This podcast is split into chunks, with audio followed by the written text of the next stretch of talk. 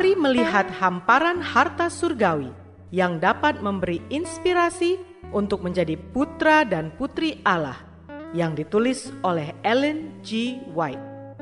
Melalui renungan pagi ini, kita akan mempelajari nasihat yang menguatkan dan memberi semangat untuk memperbaiki karakter kita.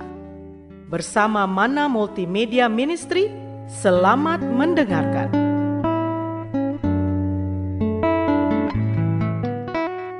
Shalom, selamat pagi saudaraku. Renungan pagi kita hari ini 25 Desember berjudul Kita memiliki kuasa atas segala bangsa. Bersama saya, Pendeta Andri Daembani. Ayat intinya diambil dari Wahyu 2 ayat 26. Demikian firman Tuhan. Dan barang siapa menang dan melakukan pekerjaanku sampai kesudahannya, kepadanya akan ku karuniakan kuasa atas bangsa-bangsa. Mari kita dengarkan penjelasannya.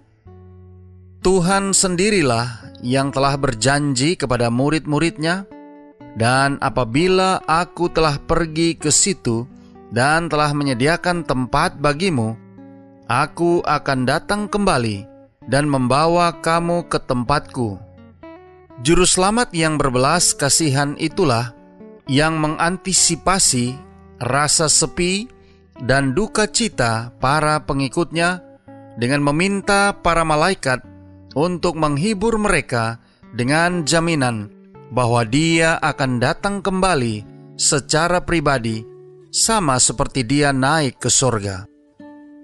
Sementara murid-murid itu berdiri menatap ke atas dengan tekun untuk memperhatikan pandangan terakhir dari Dia yang mereka kasihi itu, perhatian mereka pun tertahan oleh suatu kalimat, "Hai orang-orang Galilea, mengapakah kamu berdiri melihat ke langit?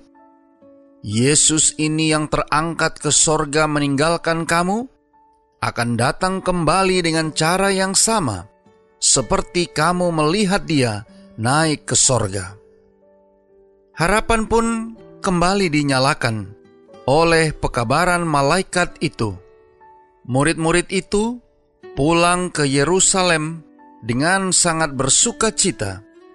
Mereka senantiasa berada di dalam bait Allah dan memuliakan Allah. Mereka tidak bersuka cita karena Yesus telah berpisah dari mereka, dan mereka ditinggalkan untuk bergumul dengan segala ujian dan pencobaan dunia ini, melainkan mereka bersuka cita oleh karena jaminan malaikat itu bahwa Dia akan datang kembali. Proklamasi kedatangan Kristus sekarang ini haruslah sama seperti ketika diumumkan oleh para malaikat kepada para gembala di Bethlehem haruslah menjadi suatu pekabaran sukacita besar.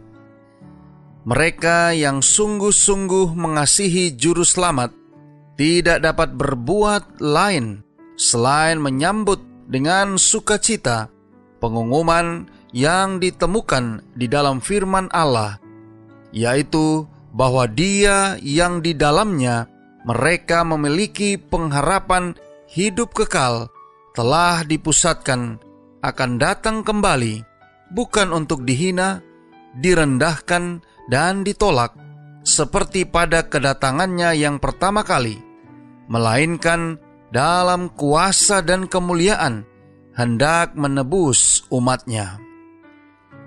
Saudara-saudara yang kekasih di dalam Tuhan, Injil itu haruslah maju dari penaklukan kepada penaklukan, dari kemenangan kepada kemenangan. Kemuliaan kerajaan di bawah seluruh langit akan diberikan kepada umat saleh Allah yang maha tinggi, dan mereka akan mengambil kerajaan itu dan memiliki kerajaan itu selama-lamanya. Doa kita hari ini. Bapa, terima kasih Melalui renungan pagi ini, kami boleh belajar bagaimana memiliki kuasa atas segala bangsa.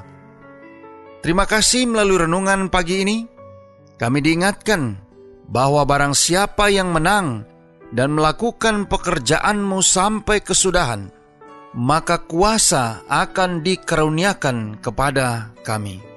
Tolong kami hari ini Bapa, biarlah dengan pertolongan kuasa roh kudusmu, kami boleh dapat disanggupkan menghidupkan firman yang sudah kami dengarkan, agar kami dengan sungguh-sungguh dapat mengasihi dan menyambut Engkau sebagai juru selamat kami masing-masing yang akan menuntun kami menuju kepada keselamatan.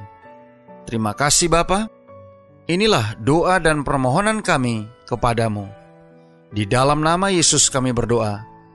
Amin.